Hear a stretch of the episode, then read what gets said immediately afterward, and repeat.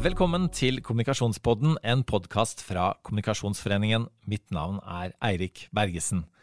Mange ønsker å nå ut til barn og ungdom, men hvordan gjør en det? Vi får besøk av 16-åringen Nora, som driver podkasten Jungeltelegrafen, snakker med politiets TikTok-patrulje, med NRK Super og Medietilsynet, som advarer mot falske nyheter.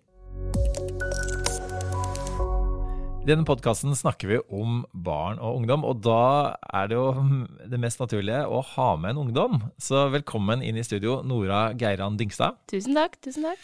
I tillegg til å være ungdom, så driver du din egen podkast eh, som heter Jungeltelegraf 1.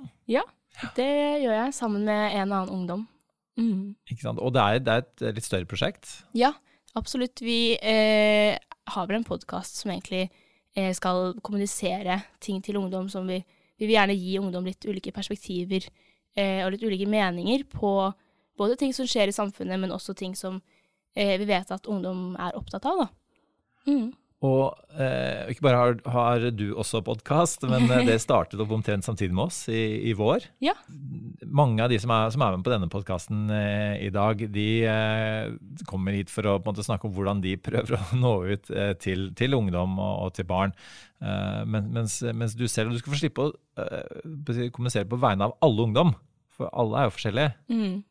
Men, men hva, er det noen sånn, på en måte, ting som måtte, du oppdager i den podkasten dere har? Da? At, at det er sånn temaer som fenger spesielt unge?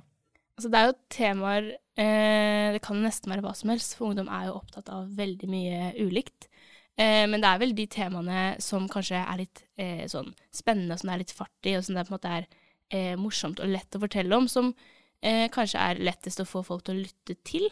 Eh, men så er det også mange temaer som f.eks. psykisk helse, som vi har gjort en episode på, som jeg eh, mener er viktig at ungdom hører om. Eh, og da prøver vi også å kommunisere det på en måte som gjør at det er eh, interessant for ungdom å høre på. da. Så formen er ofte litt, litt lett, litt underholdende, men tematikken mm. kan være mer alvorlig? Ja, jeg tror det er viktig å måte holde det litt spenstig og lett og eh, interessant å følge med på. Ikke ha sånn lange debatter, f.eks., hvor det skjer veldig lite, da. Ja, ikke mm. sant. eh, og, um, og, og, dette med Eh, altså dette med å, å, nå ut til ungdom. Altså, er det eh, Må man være ungdom for å nå ut til ungdom, eller er det, er det noe som også du oppfatter at voksne klarer å få til? Altså, alle kan jo nå ut til ungdom, man må bare ha noe interessant å si, eller noe, en god måte å si det på. Eh, som nettopp, ja, som jeg sa tidligere, er litt ja, interessant, mer interessant å høre på enn det man kanskje eh, trenger når man snakker til en voksen. Da. Er det, er det noen du selv, selv, føler er, spesielt flinke til det? Altså, Helsesista er en person som ofte blir trukket fram. hun, er, hun, er, flink til å kommunisere med ungdom som kanskje er litt yngre enn det jeg selv er. Ja. Eh, fordi det, måte, det blir nesten litt for tullete og for lett og ledig innimellom. Eh, Syns i hvert fall jeg. Jeg vet ikke, jeg kan ikke snakke for alle. Ja, For hun bruker jo på en måte ungdommens språk, og veldig ofte når, mm. når jeg prøver å bruke ungdommens språk, så blir det veldig tullete. Ja, man må eh, bruke det som på en måte passer seg i tillegg. Det må ja. virke naturlig, og det må ja. virke som man, det man snakker om, kommer fra hjertet, og at det på en måte det virker ekte, da. Mm. Det er veldig viktig. Mm, ikke sant? At man har en genuin interesse av å nå ut til ungdom, og, ikke, og kanskje prøve å, å formidle det på med gode hensikter også. Mm. Eh, og det er jo ikke alle som gjør. Det er jo mye, mye falske nyheter, og noen mener jo også at, at ungdom, og kanskje også eldre, er, er, dårligere på kildekritikk enn andre. Hva tenker du rundt det? Jeg tenker at det er, det er, noe sant i det. Vi, eller i hvert fall jeg er ikke like god på det kritisk tenkning-opplegget som mange voksne er. Men samtidig så får vi jo mye kunnskap om det via f.eks. skolen. Vi jobber mye med det der. Så jeg tror vi, jeg vil vi er bedre på den eldre, i hvert fall. Som er veldig nye på teknologi generelt. Men hva, hva tenker du om eh, de arenaene eh, hvor, hvor, dere er? Altså Enten det er Instagram eller det er på på Snap. eller eh, altså Det er jo ofte arenaer hvor dere kanskje ønsker å være aleine også. Og når, når, voksne dukker opp der på, på, en litt ungdommelig måte, altså er det, er det noe dere helst hvor dere ønsker å være i fred? Um, altså, jeg har ikke noe imot å følge voksne for eksempel, på sosiale medier, eh, men det som er så fint med sosiale medier, er at man kan jo velge selv hvem man følger, så det er jo helt greit at voksne også er der. Eh, og så kan jo de ungdom ungdommene som vil følge med på dem, gjøre det. Eh, men det er jo en, vanskelig å nå ut til alle på den måten, fordi man nettopp kan velge selv, da. Mm. Altså, jeg, jeg, jobber eh, selv med mye med TV, og, og TV-annonsørene det er jo, de skal nå ut til 15 til 49, så betyr at de har bare ett år igjen med å være interessant for de. Ja. Og det, litt av det handler om at vi, våre vaner da, i min alder, de er så satte, eh, mens dere kan på en måte påvirkes lettere. ja. Eh, hva tenker du rundt det? Det er nok eh, noe sant i det, at eh, vi blir lett, lettere påvirket, rett og slett, fordi vi, eh, ja, vi er ikke like vant til å se, til å skille hva som er eh, ekte og hva som er falskt. Vi har ikke like mye erfaring med det, rett og slett. Men i, i skolen nå er det også noen nye læreplaner eh, Mhm. som går på demokrati og medbestemmelse, som blir lansert i høst. Jeg har vært rundt på, på to videregående skoler denne uka her og snakket med de Ja. eh, om, om, om media. Eh, og, og det virker som det gjøres veldig mye aktivt og systematisk på skolen nå, kanskje på en litt annen måte enn før. Ja, det kan godt hende. Nå vet ikke akkurat hvordan disse læreplanene har endret seg, det vet jeg veldig lite om. Men eh, jeg merker i hvert fall en overgang fra ungdomsskolen til videregående på det fokuset om at de kildene man bruker skal være gode, ikke det at man bare skal ha kilder, men de man bruker skal virkelig på en måte vite hva de snakker om, og ikke være partiske, osv. Mm. Med samfunnsfag eh, virker det som lærerne var opptatt av. Ja, absolutt. I flere fag også. At man skal på en måte sette det opp i et samfunnsfaglig bilde og se på hvordan det påvirker det samfunnet man lever i. da. Mm, mm. Eh, og, og hvilke på en måte, sånn, eh, samfunnsutfordringer rundt er er det, tenker du, at det er, det er viktig å, å, å ta for seg? Altså, mange snakker om miljø, noen er redde for at demokratiet skal kollapse, enten det er i USA eller andre steder i verden. Ja, altså jeg tenker spesielt på det med demokrati. Jeg er litt politisk opptatt eh, selv, så jeg syns det er veldig interessant å se på hvordan sosiale medier eksempel, har påvirket demokratiet både i USA, men også her i Norge. Eh, men eh, altså, sosiale medier kan jo også bidra på en god måte, f.eks. til å eh, engasjere folk i klimautfordringene. Mm. Du som har podkast selv, eh, hvordan er det med, med det interaktive? Altså, hvor, hvor flink er man, eh, eller burde man være, for å lytte til det, en som da eh, publikummet ønsker seg? Det er ikke alltid vi voksne er like flinke til. Nei, vi jobber veldig mye med det. Vi har en Instagram der vi eh, ber lytterne våre eh, sende oss meldinger om eh, temaer og gjester de gjerne vil at vi skal snakke med. Og hvis de eh, har spørsmål vi vil at vi skal stille de gjestene, så vil vi gjerne at de sender dem inn, og vi prøver å på en måte kommunisere med gjestene våre på den måten, da. Har dere gjester som er voksne som gjester, eller er det mye ungdom? Hittil så er det vel gjester i mellom 20 og 40 et eller annet sted. Eh, men eh, vi prøver jo, altså hittil har det vært mye kjendiser. Vi prøver å på en måte få med gjester som eh, har noe godt på hjertet. Eh, så det kan jo være ungdommer, det kan være pensjonister, det kan bli hvem som helst egentlig i fremtiden. Hva er det som fascinerer eh, ungdom med kjendiser?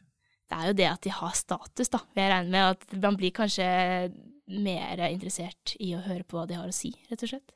Og, og, og den statusen har de fått fordi de har, måte, er kanskje flinke til å, til å kommunisere? Ja, eller eksempel at de er morsomme, at de har vært med på et TV-program, hva som helst egentlig. Men det viktigste er jo å gi dem en sjanse til å si noe eh, fint og viktig. Hva tenker du om begrepet influencer? jeg eh, syns det er litt tullete begrep, egentlig, for alle kan jo bli en influenser. Eh, men altså, hvis man bruker den makten man har på spesielt ungdom, da, eh, på en god måte, så syns jeg det er veldig kult å være influenser, men bruker man det til å selge tannbleking og eh, store pupper, så er jeg ikke så fan. Helt til slutt, Nora. Mm. vi har jo begge podkaster. Ja. Det jeg hører, da, er at uansett hvem man skal nå ut til, så er det visuelle er kjempeviktig. Ja. Eh, og TV blir stadig viktigere.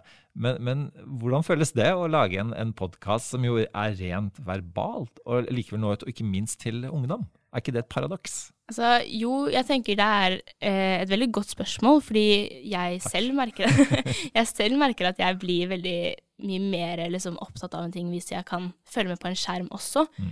Eh, men da er det jo bare enda viktigere, da, måten man snakker på, at man har høy energi, eksempel.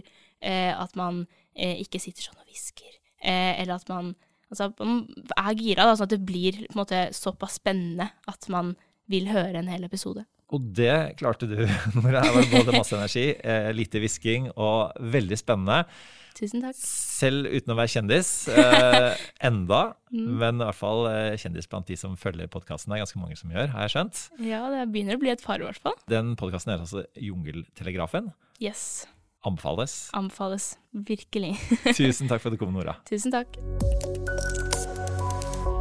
Da skal vi til eh, Bergen. Rett og slett vi skal til Vestland, eh, fylke hvor politiets nettpatrulje Vest opererer. Og der er du fagleder, Rune Fimreite. Ja, det stemmer. Og dere eh, er kjent at dere ikke nådde ut ordentlig til ungdommen i kommunikasjonen deres. Og det bestemte dere for å gjøre noe med.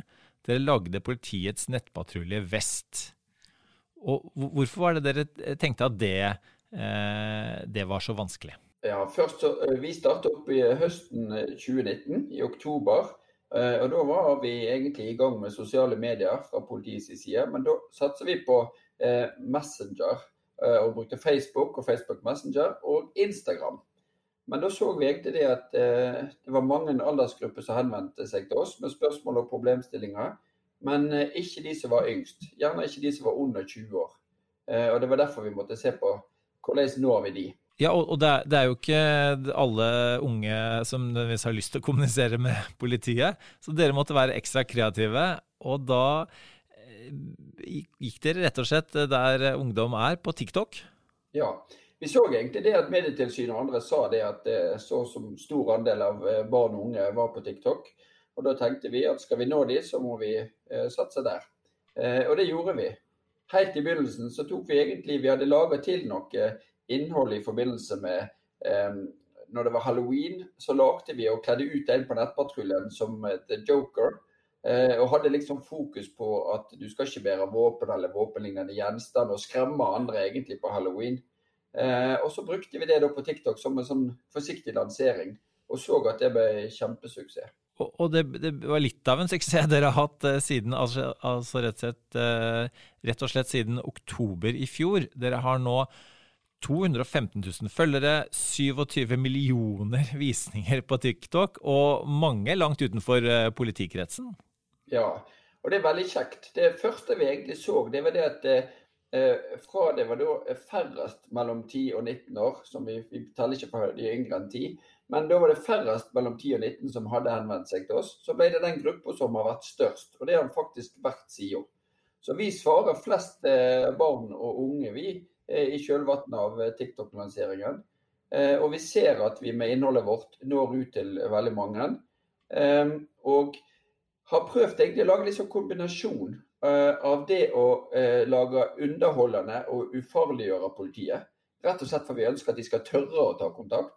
Eh, og så har vi lagt innhold også, som er litt sånn forebyggende budskap, som skal være nyttige for eh, barn og unge. Så de kan brukes som verktøy eller nyttig informasjon for å gjerne unngå å havne i å bli utsatt for kriminalitet og andre problemstillinger. Ja, for dere skal ikke bare underholde og, og kommunisere på, på barn og ungdoms premisser, dere skal forebygge kriminalitet, rett og slett. Eh, og hvordan, hvordan ser dere resultatene av det? Ja, du kan si det at eh, Vi ser det at eh, barn og unge tar kontakt med oss. Vi ser det at eh, når Nettpatruljen eh, har en chat som er åpen 24-7, men vi er ikke fysisk på jobb 24-7.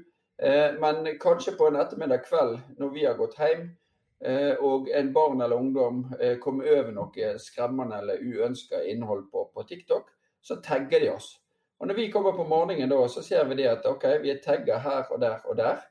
Eh, og vi går inn for å se da kanskje hva er det for innhold de har varslet oss om. Um, og vi ser òg det. Masse av det innholdet de varsler oss om, det er faktisk sletta til dagen etterpå. Så barn og unge er med å forebygge sjøl gjennom eh, politiets tilstedeværelse. Og hva, hva er det ved TikTok-formatet som gjør at det appellerer sånn til denne gruppen? Ja, altså, eh, TikTok er jo laget egentlig for å underholde. Det er små, korte videoer, gjerne bare 10-15 sekunder lange Inneholder utrolig masse kreativitet, masse gøy eh, og spennende. Og jeg tror nok at innholdet da driver barn og unge videre til å se for hva er det neste, og de blir underholdt. Men vi ser jo òg litt skyggesida. Siden vi er politi og blir varslet om en del av, eller masse av dette innholdet, så ser nok vi òg skyggesida. Altså de sosiale medieplattformene kan jo brukes til eh, alt annet enn underholdning og gøy hvis de har onde hensikter. Eh, og det ser vi da jo tidvis skjer. Ja, og det skjer også på, på, TikTok. Mange fikk sikkert med seg et, et selvmord som, som en del uh, ungdommer endte opp med å se uh, på TikTok. Uh, man så i tvil om kinesiske maktinteresser som står bak og, og påvirker. og på mange måter er det kanskje litt sånn utradisjonelt arena for politiet å være? Ja, vi er jo en offentlig instans, og kanskje er vi i mange sammenhenger litt sånn en tung organisasjon. Men her har vi vært heldige i satsingen, altså politiets satsing på, på, nettet, og litt det mandatet vi har fått.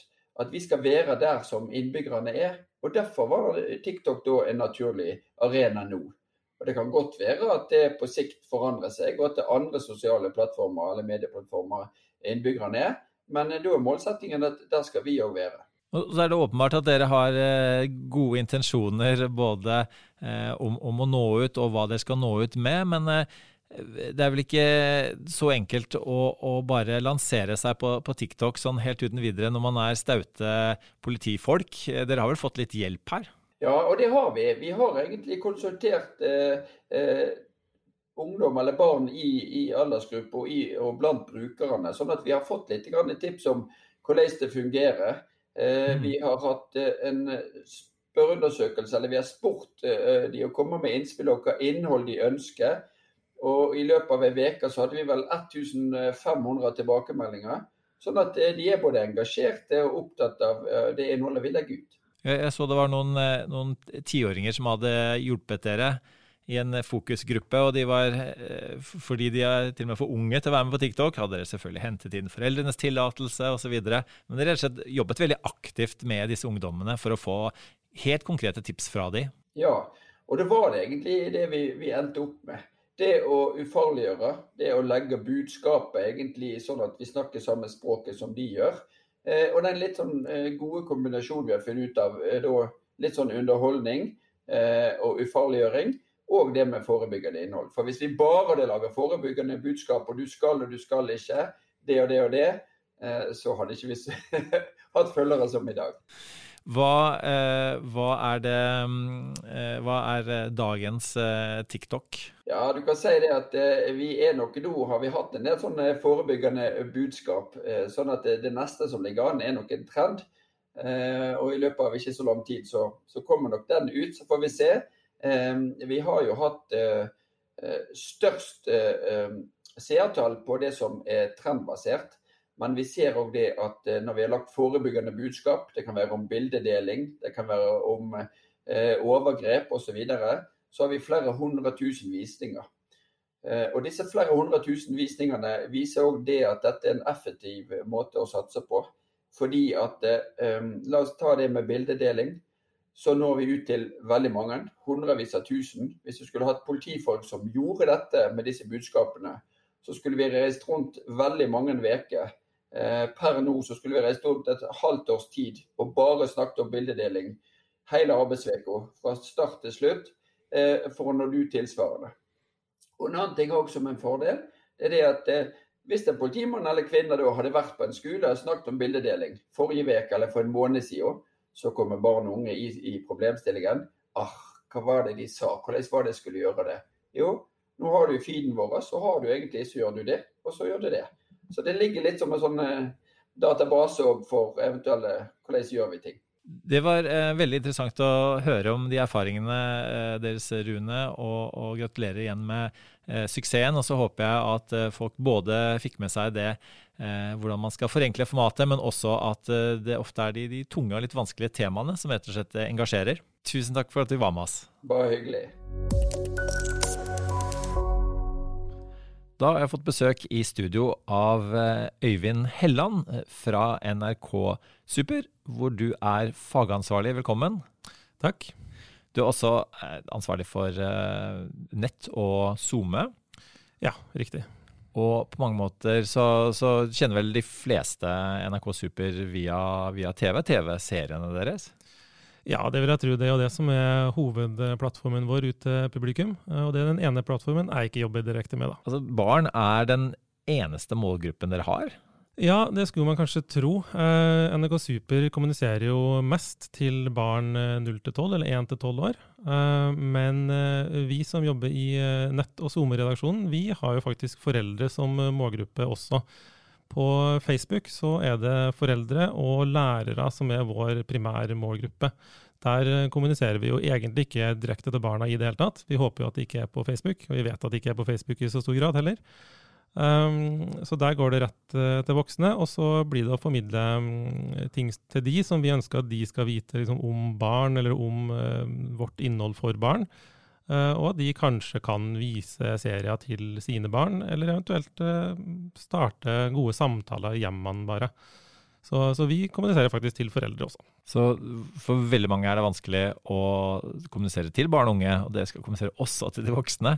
Hva, hva er det vanskeligste når man, eh, man, skal nå ut til barn og unge? Um, det er mange ting å tenke på, egentlig. Uh, Nå er vi jo jeg, jeg, føler jo ikke at det er så vanskelig å kommunisere til barn og unge, egentlig, men det er kanskje fordi jeg har gjort det i så mange år. Um, når det kommer nye folk inn og skal gjøre det, så er det et par ting som er greit å huske. Um, noe er bare liksom hvilket språk man bruker. Det er jo en av mine kjepphester, det med å kutte ut en del sånn muntlig språk. Prøv å gjøre setningene gjerne så kort eller, eller sånn innholdsrik som mulig. Prøv å ikke bruke altfor vanskelige ord. Det er litt sånn, det er, det er litt sånn balansegang, fordi vi vil jo at man skal lære eller få et stort ordforråd også. Men det er greit å være litt bevisst på å ikke, ikke bruke de vanskeligste liksom, voksenordene hele tida. Det er ikke noen grunn til å gjøre det hvis man kan si det enklere og bedre med andre ord. Uh, og på en måte så er jeg jo utdanna tekstforfatter, um, som ikke var en sånn direkte kobling til å jobbe med nett og SoMe i NRK Super. Men den der um, lærdommen med å formulere seg veldig sånn kort og, og enkelt, Uh, som man gjerne gjør, i reklamebransjen, den er ganske nyttig når man kommuniserer mot barn. Fordi uh, skal du ha dem til å lese ting, uh, og også se ting, så må du kommunisere ganske sånn fortetta og enkelt og kort, ellers så gidder de ikke. Da ser de heller en YouTube-video.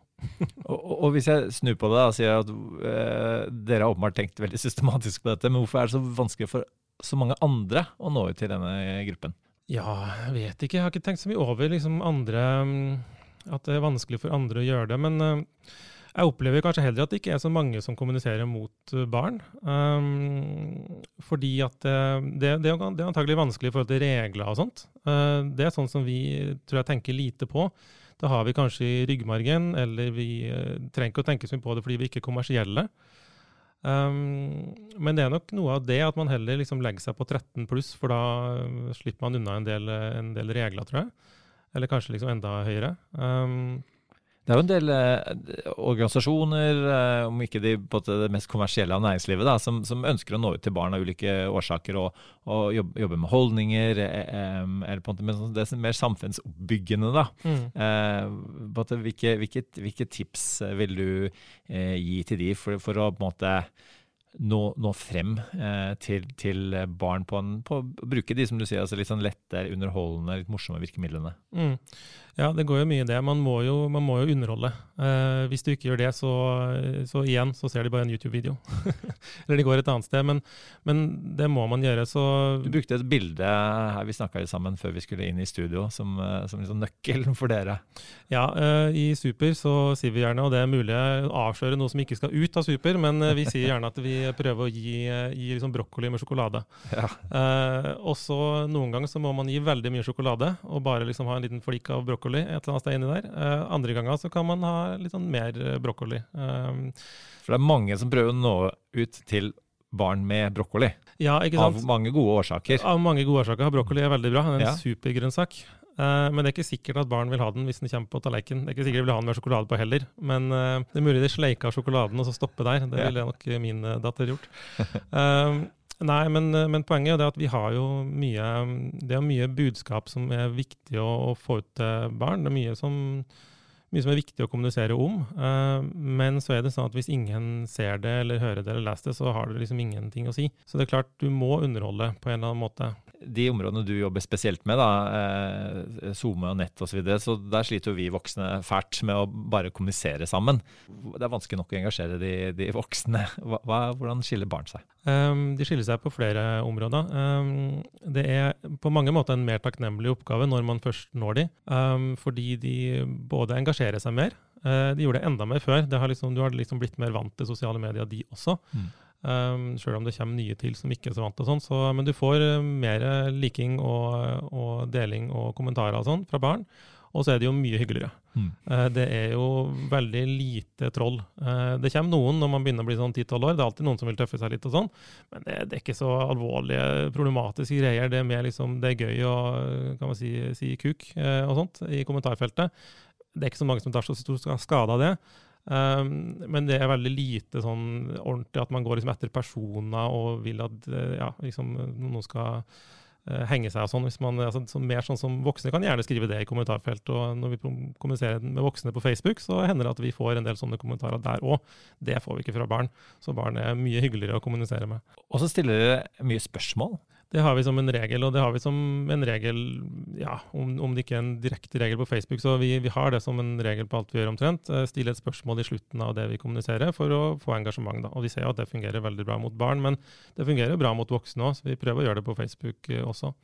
Eh, jeg bare tenkte på, fordi Du prater om liksom hva er utfordringa med å nå barn. Jeg tror egentlig det vanskeligste er nok rett og slett å nå dem og få en, altså ha kanaler ut til dem, der man får tak i dem. Så å tenke smart på liksom hvordan, hvilke flater kan man nå dem på. Um, og det er ikke alltid nødvendigvis de sosiale mediene som, som er de beste heller. Det finnes mange andre kanaler inn i skolene eller inn i sånn, hvis man har viktige og gode budskap. Da. Så være litt sånn kreativ i hvilket budskap har jeg, hvor er det egentlig det passer aller best inn. Um, og så starte der, i stedet for å tenke at jeg må ha en Insta-konto eller en Snap-konto eller et eller annet sånt. For det er ikke nødvendigvis alle som må ha det, og det er veldig vanskelig også å få det til. Og dere har jo, altså, Flaggskipene deres er jo disse seriene.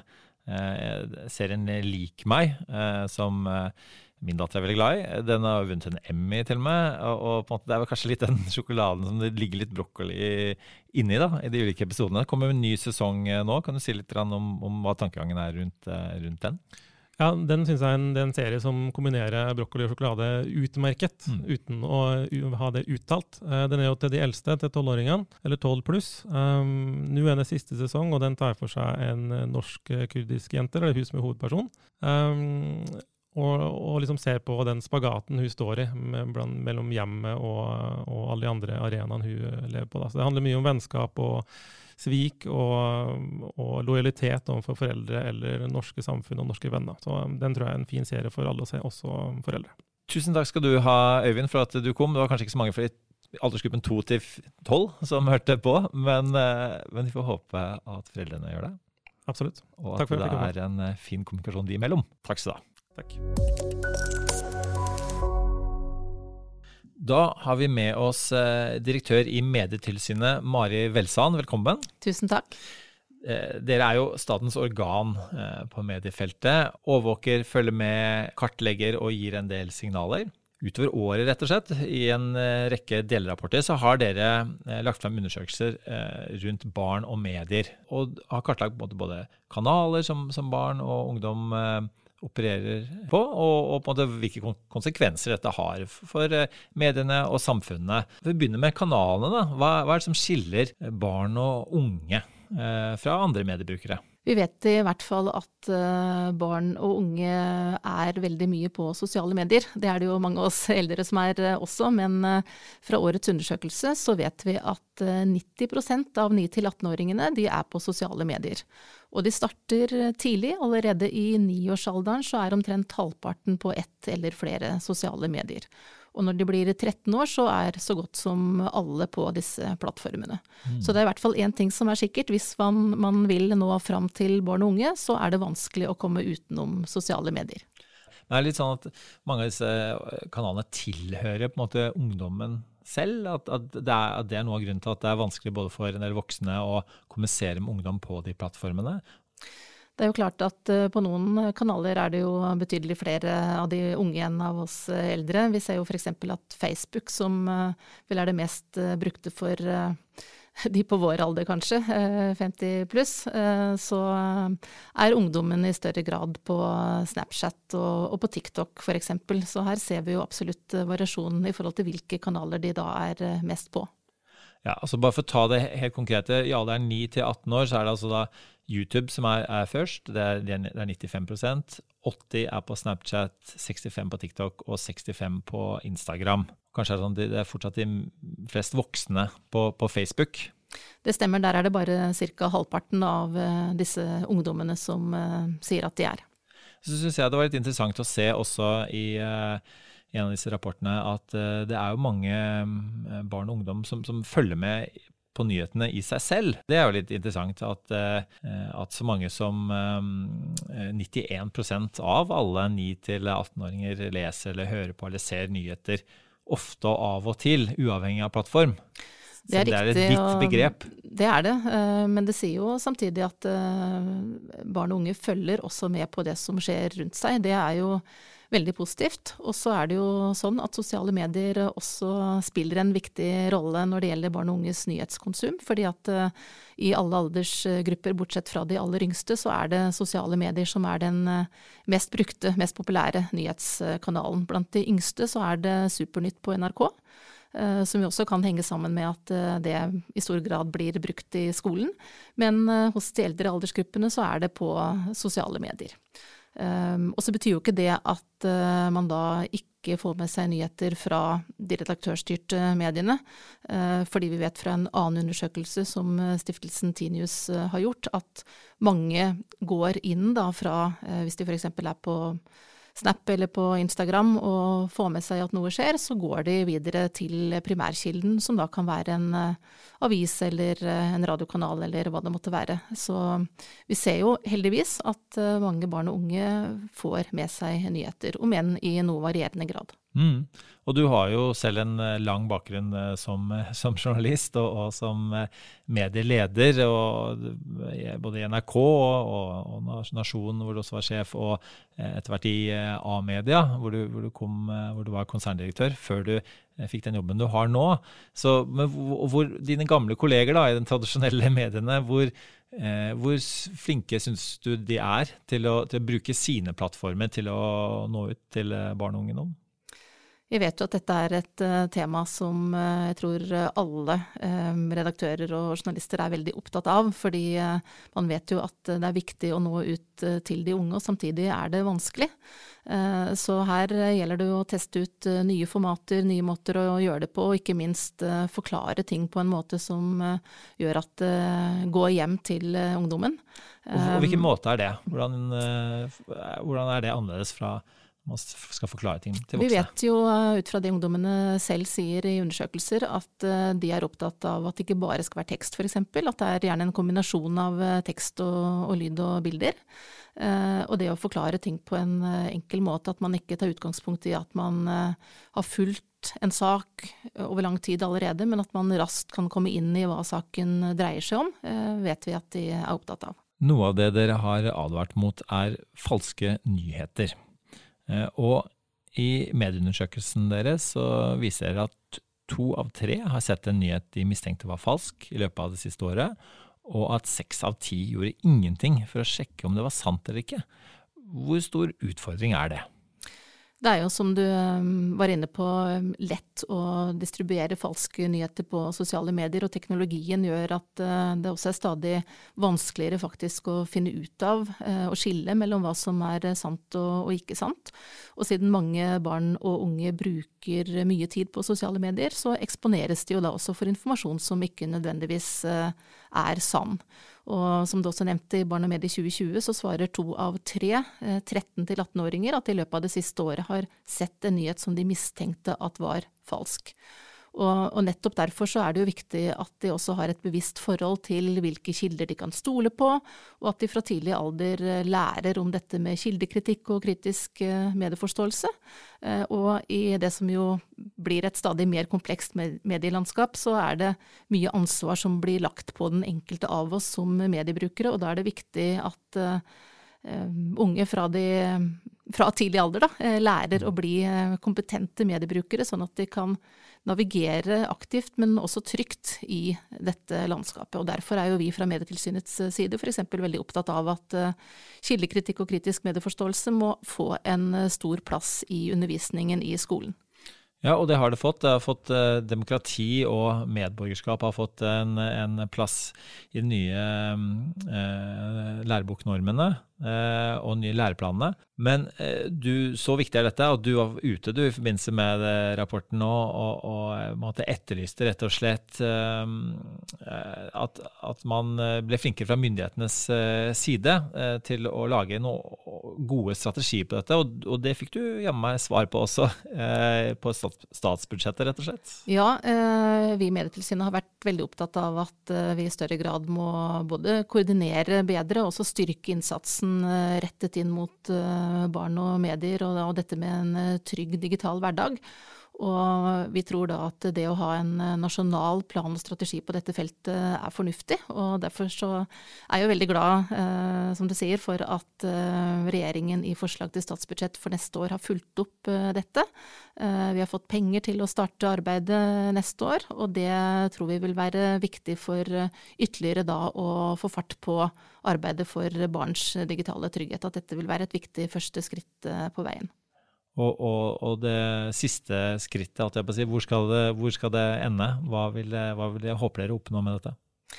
Vi tror jo at, eh, og vi vet, at det gjøres veldig mye bra på dette feltet i dag. Det er mange som er opptatt av eh, barn og unges eh, digitale liv, og at det skal være både aktivt og, og trygt.